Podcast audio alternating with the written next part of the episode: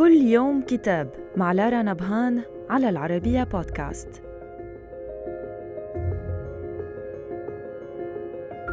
نتناول اليوم كتاب Reality, Virtual Worlds and the Problems of Philosophy أو الواقع، العوالم الافتراضية ومعضلات الفلسفة. من تأليف الفيلسوف الأمريكي الأسترالي ديفيد شالمرز جاء هذا الكتاب متزامنا أو بعد وقت قصير مع إعلان عملاق شبكة التواصل الاجتماعي فيسبوك تحوله إلى شبكة ميتافيرس التي تنطوي على ميزات افتراضية كبرى.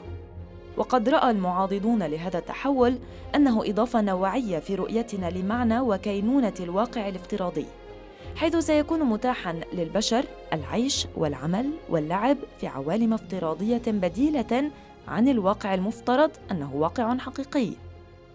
في حين رأى المناوئون لهذه الانتقاله النوعية أنها مزيد من تكريس لقوى السيطرة للشركات العملاقة على عقول البشر وتشكيل طبيعة حياتهم المستقبلية.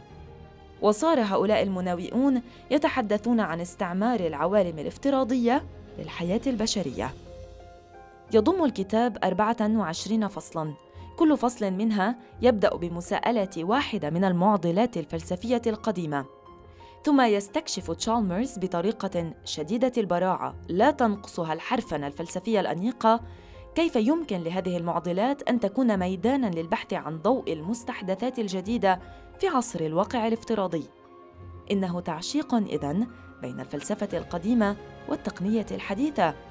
من المعضلات التي تتناولها بتفصيل وإسهاب ثمة ثلاث أساسية ما هو الواقع؟ وهل ثمة وعي في العالم الرقمي؟ وكيف ينبغي أن ننشئ مجتمعا افتراضيا؟ وإلى اللقاء مع كتاب جديد